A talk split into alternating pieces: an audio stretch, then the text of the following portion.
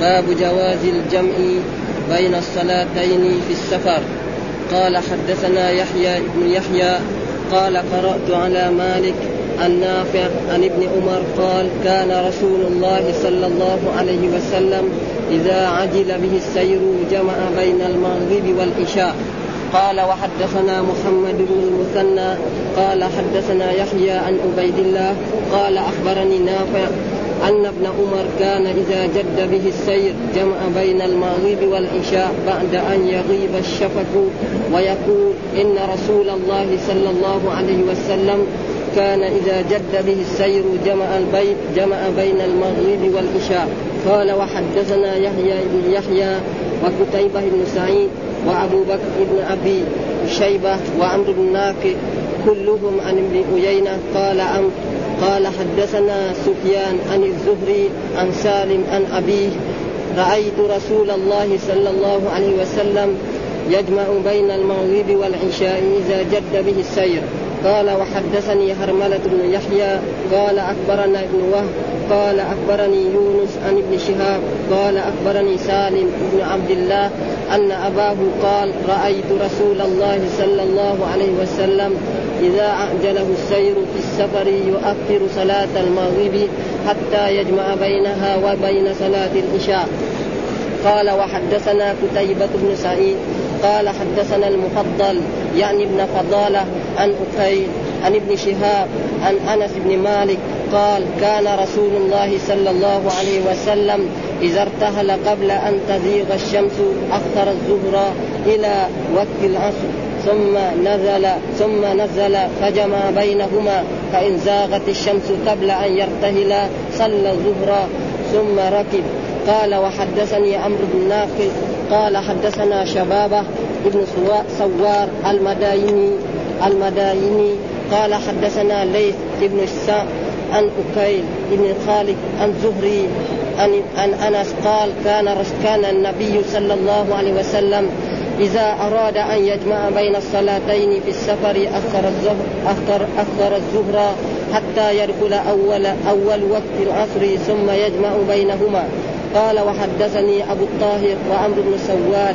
قال أخبرنا ابن وهب. قال حدثني جابر بن إسماعيل عن أكي عن ابن شهاب عن أنس عن النبي صلى الله عليه وسلم إذا عجل عليه السفر يؤخر الظهر إلى أول وقت العصر. فيجمع بينهما ويؤخر المغرب حتى يجمع بينه بينها وبين العشاء حين يغيب الشفق. قال وحدثنا يحيى بن يحيى قال قرأت على مالك عن ابن الزبير عن أبي الزبير عن سعيد بن جبير عن ابن عباس قال صلى رسول الله صلى الله عليه وسلم الظهر والعصر جميعا والمغرب والعشاء جميعا في غير خوف ولا سفر.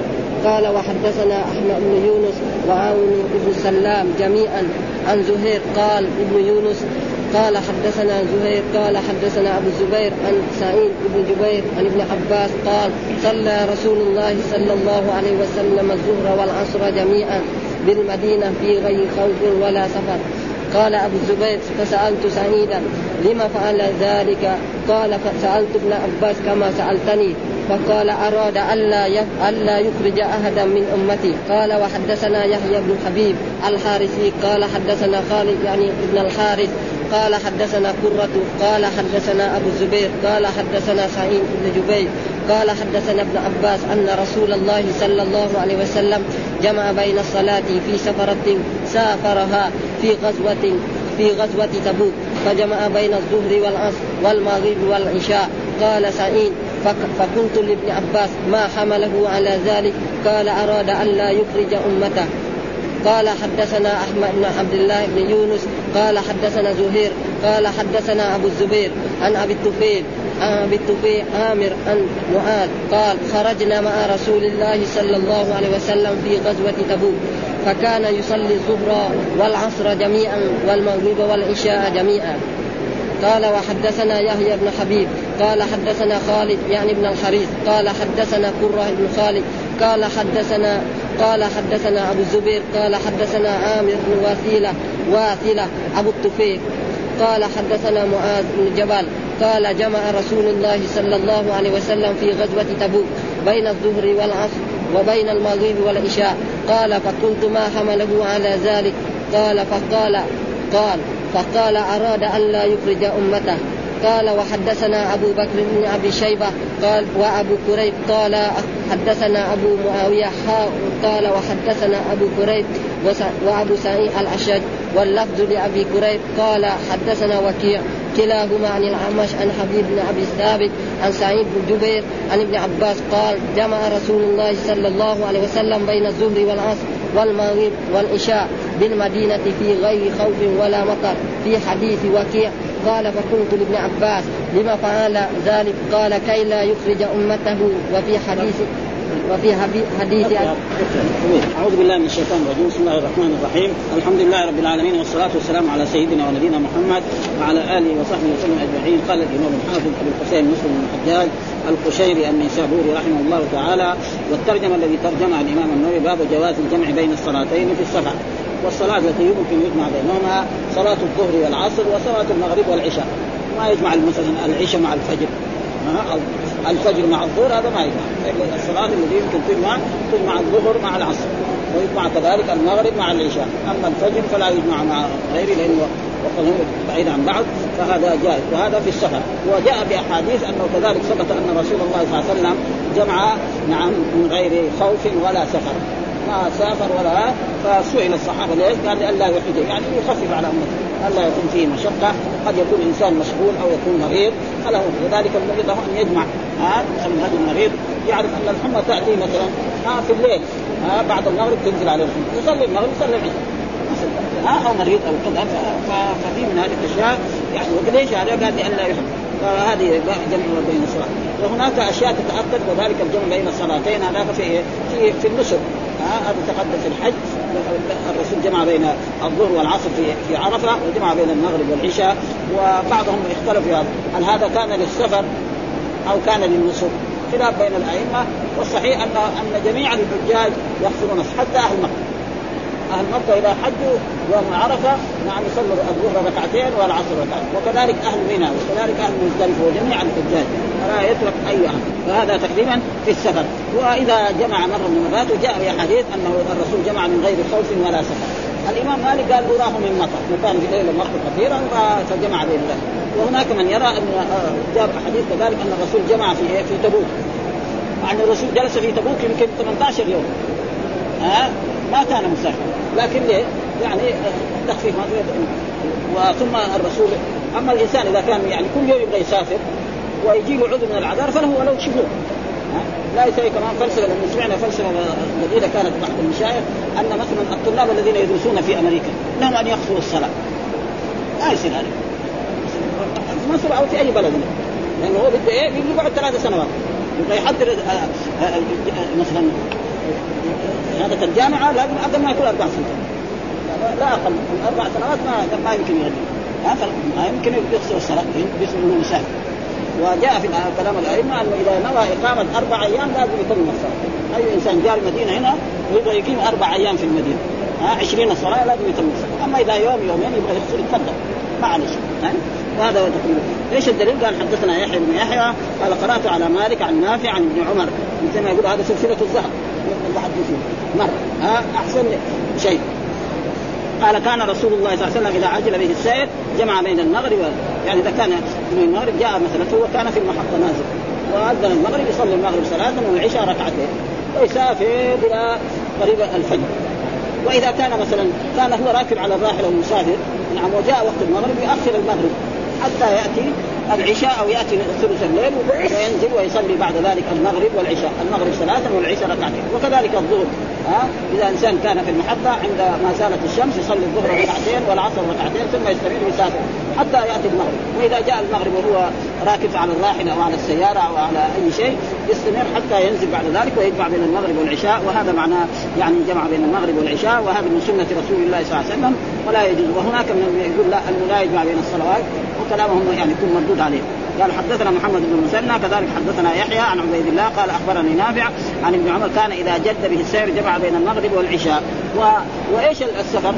أصح الأقوال أن السفر ما يكون يعني شبه مرحلتين، أما السفر البسيط مثلا يذهب إلى محل يعني قريب فهذا لا يقصر الصلاة. ولا يجمع بين الصلوات ابدا. مثلا يذهب إلى عضو أو يذهب إلى بيار علي أو يذهب إلى الجامع فما يحسب يبغى يسافر خلاص يخرج. تعدى بيار علي له أن يقصر الصلاة حتى يصل إلى البلد التي يريدها. وقد ذكر هنا قال قال الشافعي والأكثرون يجوز الجمع بين الظهر والعصر في وقت أن يأتوا ما شاء وبين المغرب والعشاء في وقت أن يأتوا ما شاء في السفر الطويل. ها السفر الطويل. إيش السفر الطويل؟ يعني ما يكون مرحلتين. ممكن ان كيلو تقريبا في في حسنان وفي جوازه في السفر القصير قولان للشاهد أصحهما لا يجوز فيه. القصر والطويل 48 ميلا هاشمية. ها؟ الميل معناه متر أو أقل وهما مرحلتان معتدلتان كما سبق. والأفضل لمن هو في المنزل في وقت الأولى أن يقدم الثانية إليها. فإذا كان هو في المغرب في يعني في وقت المغرب كان في المحطة نازل يصلي المغرب ثلاثا والعشاء ركعتين. اذا هو سائر في وقت الأولى ويعلم أنه ينزل قبل خروج وقت الثاني ان يؤخر الأولى إلى الثاني ولو خالف فيما جاز. وكان تاركا للارض شرط الجمع وقت الأولى أن يقدمها وينوي الجمع قبل فراغه. يقول كذا يعني في مدى ها قبل فراغه ينوي انه يبغى يجمع بين المغرب والعشاء يبغى يجمع بين الظهر والعصر والا يفرق بينهما. لا يفرق بينهما بنوافل. أقول يصلي ركعتين ويصلي ركعتين بعدين كمان ابدا. ها وإن أراد الجمع وقت الثاني وجب أن ينويه في وقت الأولى ويكون آه قبل ضيق وقتها بحيث يبقى من الوقت ما يسع تلك الصلاة فاكثر فإن أخرها بلا نية عصى وصارت قضاء وإذا أخرها بالنية استحب أن يصلي الأولى اولا وأن ينوي الجمع الا يفرق بينهما ولا يجرؤ شيء. من ذلك. هذا مختصر أحكام الجمع وباقي فروعه معروفة في كتب الفقه ويجوز الجمع بالمطر ها؟ يعني كذلك كما قال الإمام مالك أن الرسول جمع في المدينة من غير خوف ولا سفر، خوف معناه ما في إيه؟ يعني خوف في جهاد ولا سفر معناه إذا إيه؟ قال أراه من مطر، يعني أظنه أو اعتقده من مطر، وهذه كان يعني سنة فعلت زمان والآن ما تفعل لأن الاوقات تغيرت في في وشرطها والأصح أنه يجوز بغير هذا مثلا وفي وفي الجمع بالمطر وقال به جمهور العلماء وفي الظهر والعصر وفي المغرب والعشاء وخصه مالك رحمه بالمغرب والعشاء. لأن النهار على كل حال مهما يعني إذا كان في غيوم وفي أمطار يعني برضه في نور يعني. والصحيح أنه جائز. ما في خلاف إلا بشرط انه أنه بين الظهر والعصر يمكن إيه؟ المطر كان نازل الآن وكان غير كثير. بعد ساعة يتغير الاوقات لكن الليل لا. في إيه؟ ظلام يعني. لذلك بعضهم يرى إنه في النهار يجمع بين الظهر بس.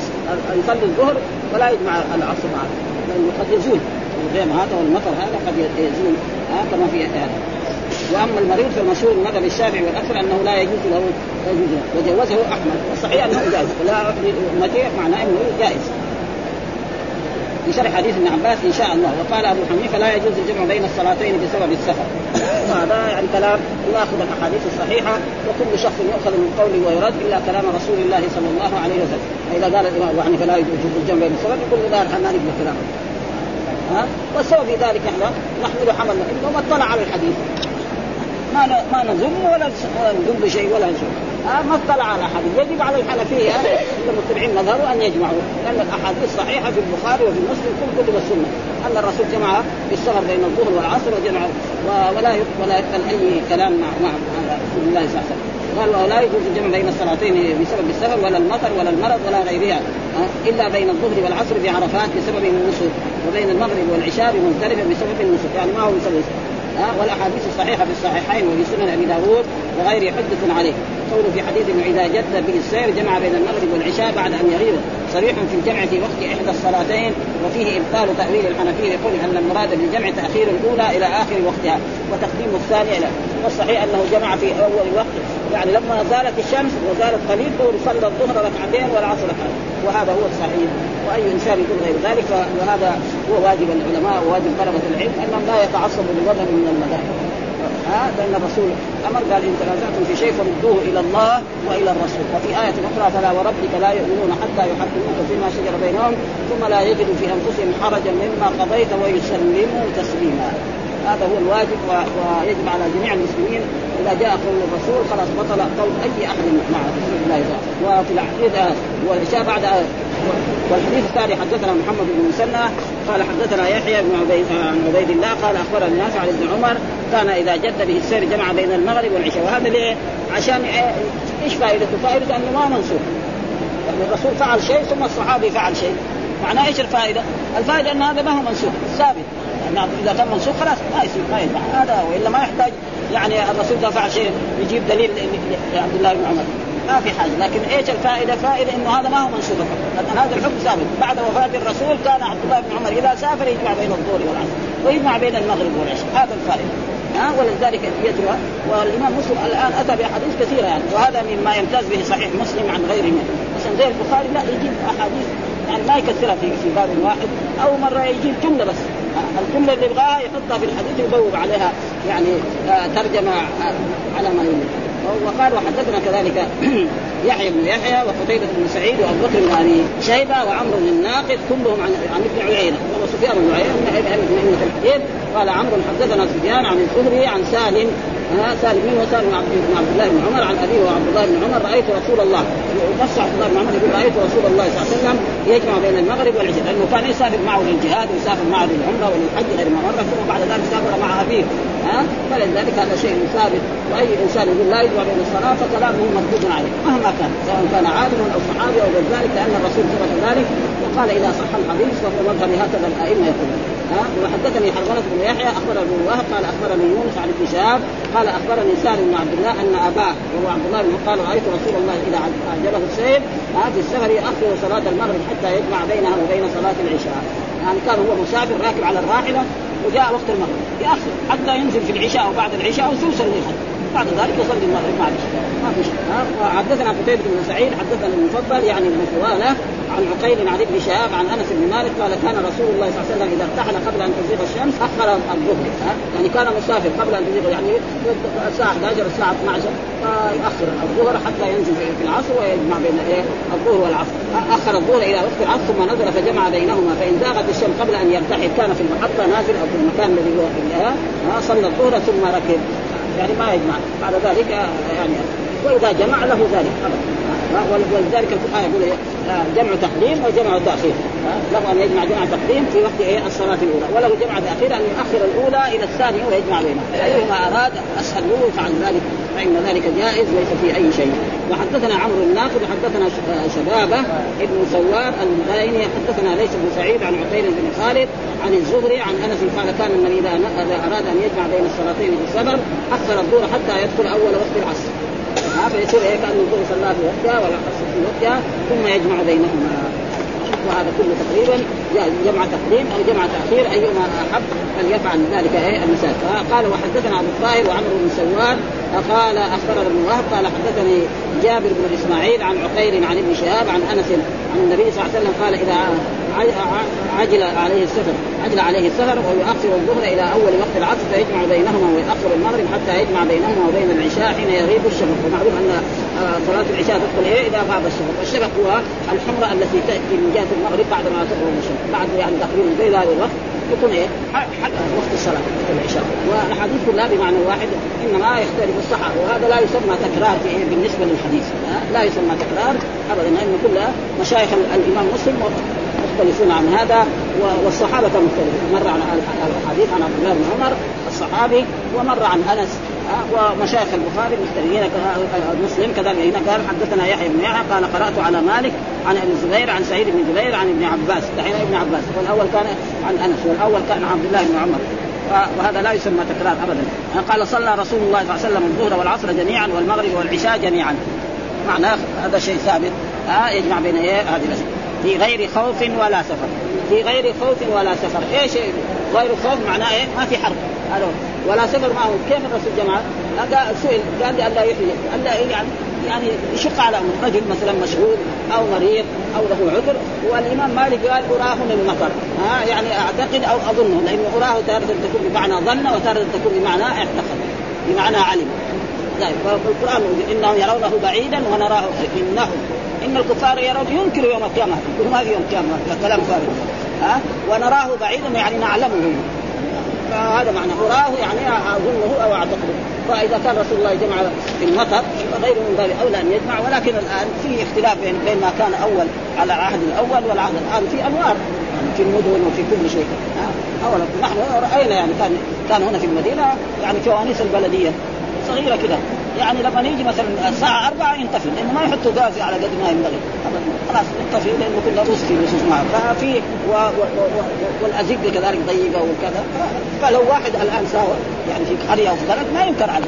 في ليلة مطيرة وصلى وجمع بين هذا يعني لا ينكر عليه ولا يعني ابدا. وكذلك هنا في غير خوف قال أبو الزبير أبو الزبير الذي هو أحد الالات سألت سعيدا وسعيد بن المسيب لما فعل؟ قال سألت ابن عباس قال كما سألتني؟ والذي هو الصحابه فقال أراد أن لا يخرج احدا من امته يعني إيه؟ لا يدخلون في الحرج وفي تدريب يعني يخفف عليه. فانسان مثلا له عذر من الأعذار في عمل من الأعمال أو مريض أو يريد أن يعمل مثلا في عصرنا هذا العملية فله أن يجمع في قال حدثنا يحيى أو يعرف أنه بعد اذا تاخر تاتيه الحمى ويصير مريض ويشتد عليه فله أن يجمع. وقال حدثنا يحيى بن حبيب الحارثي حدثنا خالد يعني بن الحارث حدثنا قرة حدثنا أبو الزبير حدثنا سعيد بن جبير حدثنا ابن عباس أن رسول الله صلى الله عليه وسلم جمع بين الصلاة في السفر. أن رسول الله صلى الله عليه وسلم جمع بين الصلاة في سافر في غزوة تبوك. ومعلوم الرسول في تبوك. يعني أخذ في نفس تبوك قعد 18 يوم. وكان يجمع يعني كان دائما يجمع أو جمع بين الصلوات مع إنه هو مقيم يعني في هذه المدة فجمع بين الظهر والعصر والمغرب والعشاء. قال سعيد فقلت لابن عباس ما عمله على قال أراد أن لا يحرج أمه. يعني يبين له ان هذا الدين سم وسهل وان ليس فيه أغلال وأن الإنسان مثل هذا لو جمع ما وهو على كل خرج إلى الجهاد. وحدثنا أحمد بن عبد الله بن يونس حدثنا زهير حدثنا أبو الزبير عن أبي الزبير عن عن معاذ قال خرجنا مع رسول في غزوة تبوك فكان يصلي الظهر والعصر جميعا والمغرب والعشاء جميعا. وهذه أحاديث صحيحة. وواحد يكفر. لكن هذا علم. هذا إن صحيح مسلم أحاديثه أكثر من صحيح البخاري. وحدثنا يحيى بن حبيب قال حدثنا خالد يعني بن الحارث حدثنا قرة بن خالد حدثنا أبو زبير حدثنا عامر بن وائل حدثنا معاذ بن جبل قال جمع رسول الله في غزوة تبوك بين الظهر والعصر وبين المغرب والعشاء. ها ومعلوم انه في تبوك ما كان مسافر. لأنه جالس وجلس مده أيام حوالي 18 يوم فقلت في غزوة تبوك بين الظهر والعصر وبين المغرب والعشاء فقلت ما حمله على فقال أراد أن لا يخرج أمته. لا يدخل عليهم الحرج وبين أن هذا سهل وأن فيه سهوله وحدثنا أبو بكر بن أبي شيبة وأبو كريب قال حدثنا معاوية حول الإسناد وقال حدثنا أبو كريب وأبو سعيد الشد واللفظ لأبي كريب قال حدثنا وكيع كلاهما عن الأعمش عن حبيب بن أبي ثابت عن سعيد بن جبير عن ابن عباس قال جمع رسول الله صلى الله عليه وسلم وبين الظهر والعصر والمغرب والعشاء بالمدينة. ها في غير خوف هذا على ها في غير خوف ولا لأنه في المدينة لا ما كان مسافر ولا كان في حرب. ومع ذلك جمع الرسول. آه ما بين الصحابي لكن الإمام مالك هذا الذي أدرك التابعين قال أوراهم من إيه؟ من مطر. اذا كذلك إذا كان المطر هناك شديد خصوصا بعض البلاد. بعض البلاد امطارها ما يعني مو زي المدينة ياخذ أسبوع كذا 10 أيام 15 يوم امطار فهذه أمطار يعني يعني أقل البلاد هو الأمطار هو تقريبا الجزيرة العربية خصوصا يعني. ففي مثل هذا لو جمع ما ما ينكر عليه. سنة. قد رايت أنا في حياتي مرة من المرات إمام الشيخ صالح الصغيري نعم جمع في يعني في ليلة مطيرة. نحن ذاك الوقت يعني صغار يعني ما نعرف أذكرها أنا رحمه الله. ها فمن غير خوف ولا مطر. إذا يقول من غير خوف ولا مطر إذا هذا هذا لئلا يحرج امته ها من غير. وفي رواية من مطر. وفي حديث وكيف قلت لابن عباس لما فعل ذلك؟ قال كي لا يحرج أمته. ها وفي حديث مع قيل لابن عباس ما أراد آه إلى ذلك.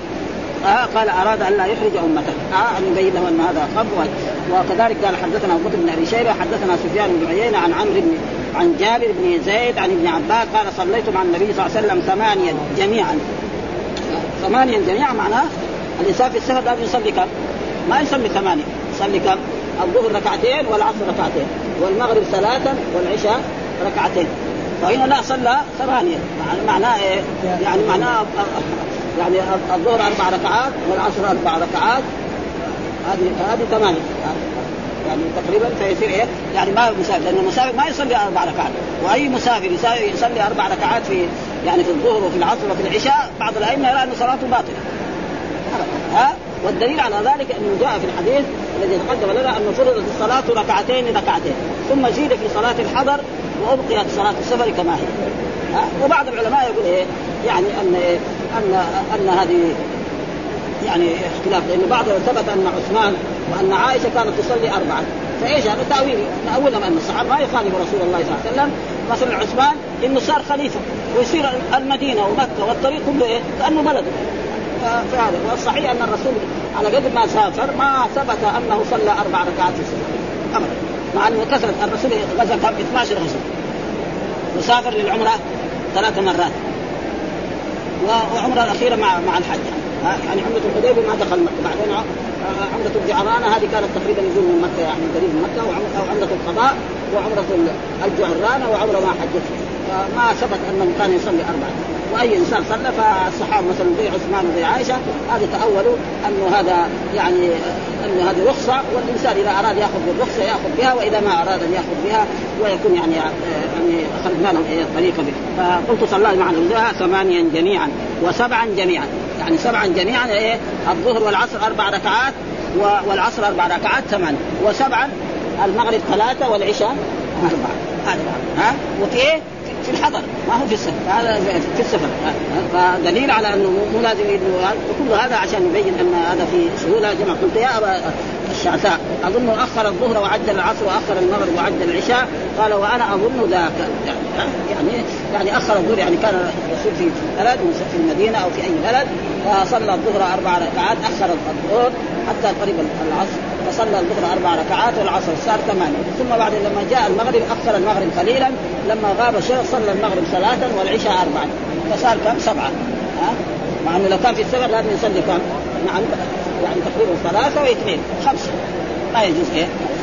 فهذا كله تقريبا يعني وقال حدثنا أبو الربيع الزهراني حدثنا حماد بن زيد عن عمرو بن دينار عن جابر بن زيد عن ابن عباس أن رسول الله صلى بالمدينة سبعا وثمانية. برضه مثل الحديث الأول. ها؟ الدحين عن ابن عباس. والأول عن برضه عن ابي الشعثاء يعني. عن ابن عباس يعني احاديث الصحابي ابن عباس. أن صلى بالمدينة سبعا وثمانيا الظهر والعصر والمغرب والعشاء. كلها أحاديث تقريبا إنما شيخ الإمام مسلم مختلف عن إيه؟ عن الأول، هناك شيخ أبو الربيع وهناك شيخ أبو بكر وهنا حديث آه حدثني أبو الربيع الزهراني، وهذا لا يسمى تكرار بالنسبة إيه لعلم الحديث، حدثنا حماد بن حماد عن الزبير بن نعم الخريت عن عبد الله بن شقيق قال خطبنا ابن عباس يوما بعد العصر حتى غربت الشمس. وبدأ في النجوم وجعل الناس يقولون الصلاة الصلاة. يعني عبد الله بن عباس كان من علماء الصحابة والرسول دعا الله من فقيه الدين وهو كان يعني يعلم الناس ويجلس يعني يخطب فيهم ويعلمهم العلم. حتى غربت الشمس وهم يعني لا يزالوا في إيه؟ في الوعظ وفي الخطبة وفي الخطبة التي في, في العلم حتى غربت الشمس وبدت النجوم يعني إيه؟ ومعناه صار إيه؟ يعني بيطلع غابت الشمس وزاد ويقول يقولون الصلاة الصلاة يعني إيه؟ يعني أقم الصلاة أو صلي يا عبد الله بن عباس والناس يصلي فجاءه رجل من تميم لا يفتر ولا ولا ينثني الصلاة الصلاة. يعني صار يكثر عليه. الصلاة الصلاة يا ابن عباس. الصلاة الصلاة يا ابن عباس. الصلاة الصلاة. ثم بعد ذلك قال له ابن عباس أتعلمني السنة؟ أنت رجل يعني مثلا من التابعين أو من تابع التابعين. ما تعلمني أنا. أنا ما خالفت الرسول صلى الله عليه وسلم ولا خالفت الكتاب ولا خالفت السنة. ها؟ زي ما يقولوا لا أبا لك أو لا أم لك. وهذا على كل حال. يعني يعني تأديب للطالب لازم يكون مع أدب مع مع العالم. ها وخصوصا الصحابة رضوان الله تعالى عليهم. فقال أنت ما تعلمني السنة أنا ما فعلت شيء يخالف السنة حتى تقول لي الصلاة الصلاة. وأنا صحبت رسول الله صلى الله عليه وسلم ورايته مرات يعني اخر الصلاة في مثل ذلك ها فقال أتعلمني بالسنه لا أم لك قال لا أم لك وهذا معناه لا يريد إيه؟ يعني الدعاء عليه. ها؟ لا يريد الدعاء عليه. لا أم لك. يعني معناه إيه؟ هو الرسول قد قال يعني في مثل هذا قال عقرى حلقة. ما يريد لأن عقرى حلقة أنه قال كذا دعاء بعدين تصير يعني صفية. يعني شعرها يسقط على طول تصير هذا.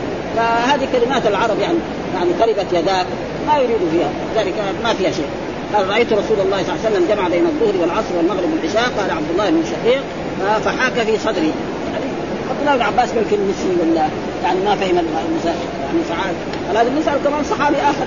وهذه كذا المسألة العلميه إذا كان فيها شيء لا بأس أن يسأل العالم هذا ويسأل العالم. وبس إنما في بعض طلبة العلم وبعض الناس يعني يريد أن يشوشوا على مثلا يروح يسأل العالم الفلاني يروح يسأل الثاني ويروح يسأل الثالث عشان يحدث بين إيه؟ بين طلبة العلم وخصوصا في مسائل الطلاق وفي مسائل هذه. كما يفعل في عصرنا هذا. واحد يطلق ويجي يسأل محمد بعدين يروح يسأل خالد بعدين يروح يسأل عشان يحدث إيه؟ فجوات و... وكل واحد يقول له شكل يعني ما يقول له كلام فلذلك يعني بيحصل يعني بلبلة.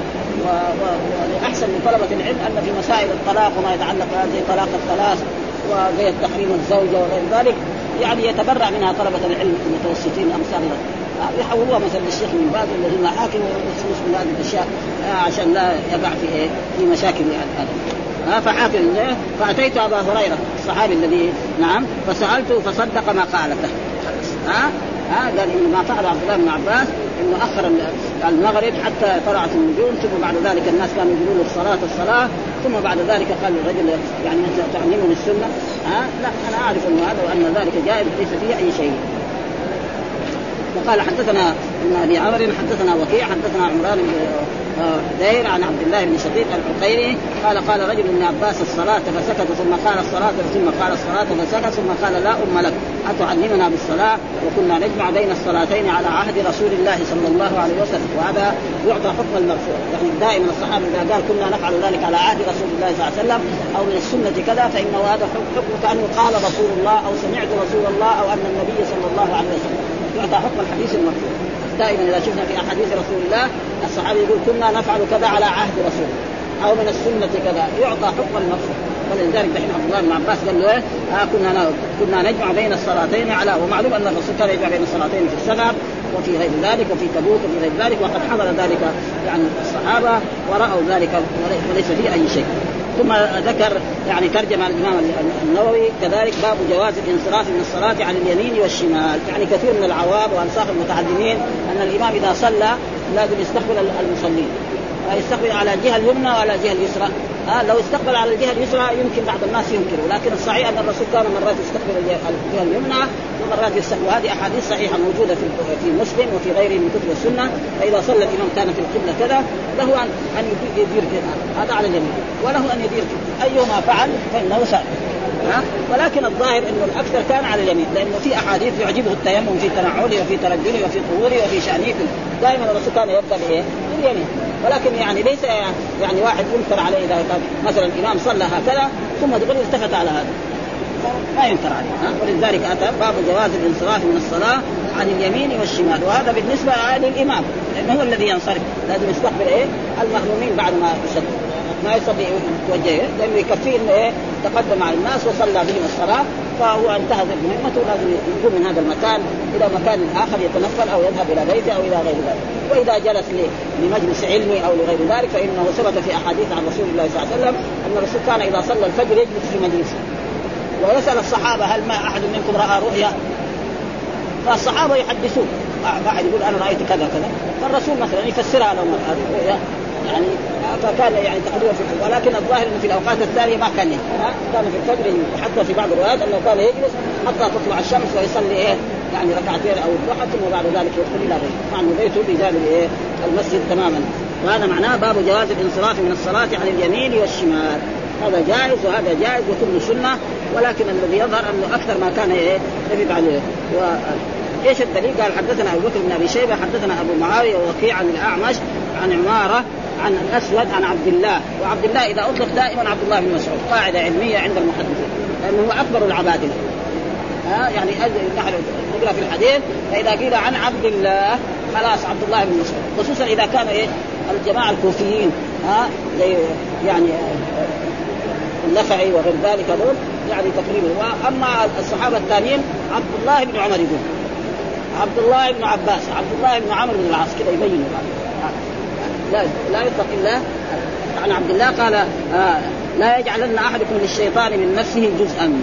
ها ها لا يجعل للشيطان أحدكم للشيطان من نفسه جزءا. لا يرى إلا أن حقا عليه ان ها أن لا ينصرف إلا عن يمينه. ها فإذا فعل ذلك وظن أنه هذا هو السنة وأن هذا هو الواجب فقد جعل للشيطان فرأى رسول الله صلى الله عليه وسلم عبد الله بن مسعود أن الرسول كان يلتفت مرة إذا صلى الفريضة مرة عن يمينه ومرة عن شماله. قال أكثر ما رأيت الرسول ينصرف عن شماله. لإيه؟ يعني عن شماله أكثر من إيه؟ من اليمين. هكذا. وهناك من يخالفه بذلك وقد ذكر الإمام النووي الكلام هنا قال هذا الإسناد كله كوفيون وفيه ثلاثة تابعين بعضهم عن بعض والأعمش عماره والأسود. وفي حديث لا يجعلن أحدكم الشيطان من نفسه جزءا لا يرى إلا أن حقا عليه الا ينصرف إلا عن يمينه. أكثر ما رأيت رسول الله صلى الله عليه وسلم ينصرف عن شماله. وفي حديث أنس أكثر ما رأيت رسوله ينصرف عن يمينه. اذا معنى ذلك أن الرسول كان مرات ينصرف عن يمينه ومرات ينصرف عن وكذلك الأئمة يسن لهم ذلك نعم لو فعلوا ذلك. وإذا أنكر عليه واحد من الناس يقول له هذا الحديث يعني يبين له إنه هذا جائز وهذا جائز عشان الناس ما ينكر عليه.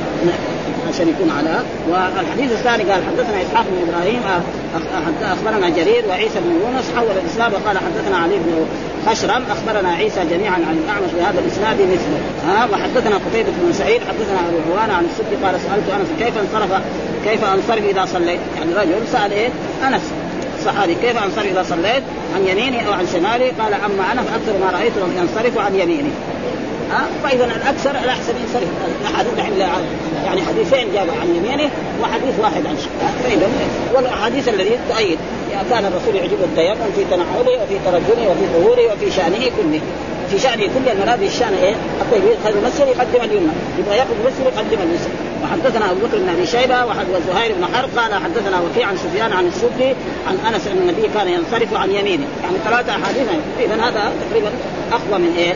إنما يعني لا بأس ان وحدثنا كذلك أبو قريب أخبرنا ابن أبي زايد عن مسعد عن ثابت عن عبيد الله عن البراء عن البراء عن البراء قال كنا إذا صلينا خلف رسول الله صلى الله عليه وسلم أحببنا أن نكون عن يمينه وهذا إيه؟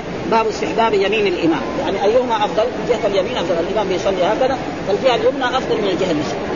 ولكن تارة قد يكون النسوة إذا كان كلهم راحوا في اليسرى يصير النسوة ما فيها ولا أحد يصير تنقطع فيكون إيه؟ الذي يأتي بعد ذلك عن اليسار يكون له أجر عظيم جدا وهذا تقريبا فلذلك كان يقول آه كنا إذا صلينا خلف رسول الله أحببنا أن نكون عن يمينه يقبل علينا بوجهه. ها كالرسول يعني بعد ما ينتهي ويسلم يقبل علينا قال فسمعت يقول ربي قني عذابك يوم تبعث عبادك. يعني سمعت الرسول بعد ذلك لما انتصر وجهه وقابلنا قال ربي يعني يا ربي اصل منادى محفوظ قني عذابك يوم أو تجمع عبادك. وحدثنا أبو كريب وزهير بن حرب قال حدثنا وكيع عن مسعد بهذا الإسناد ولم يذكر يقبل علينا بوجهه. والحمد لله رب العالمين وصلى الله وسلم على نبينا محمد وعلى آله وصحبه وسلم.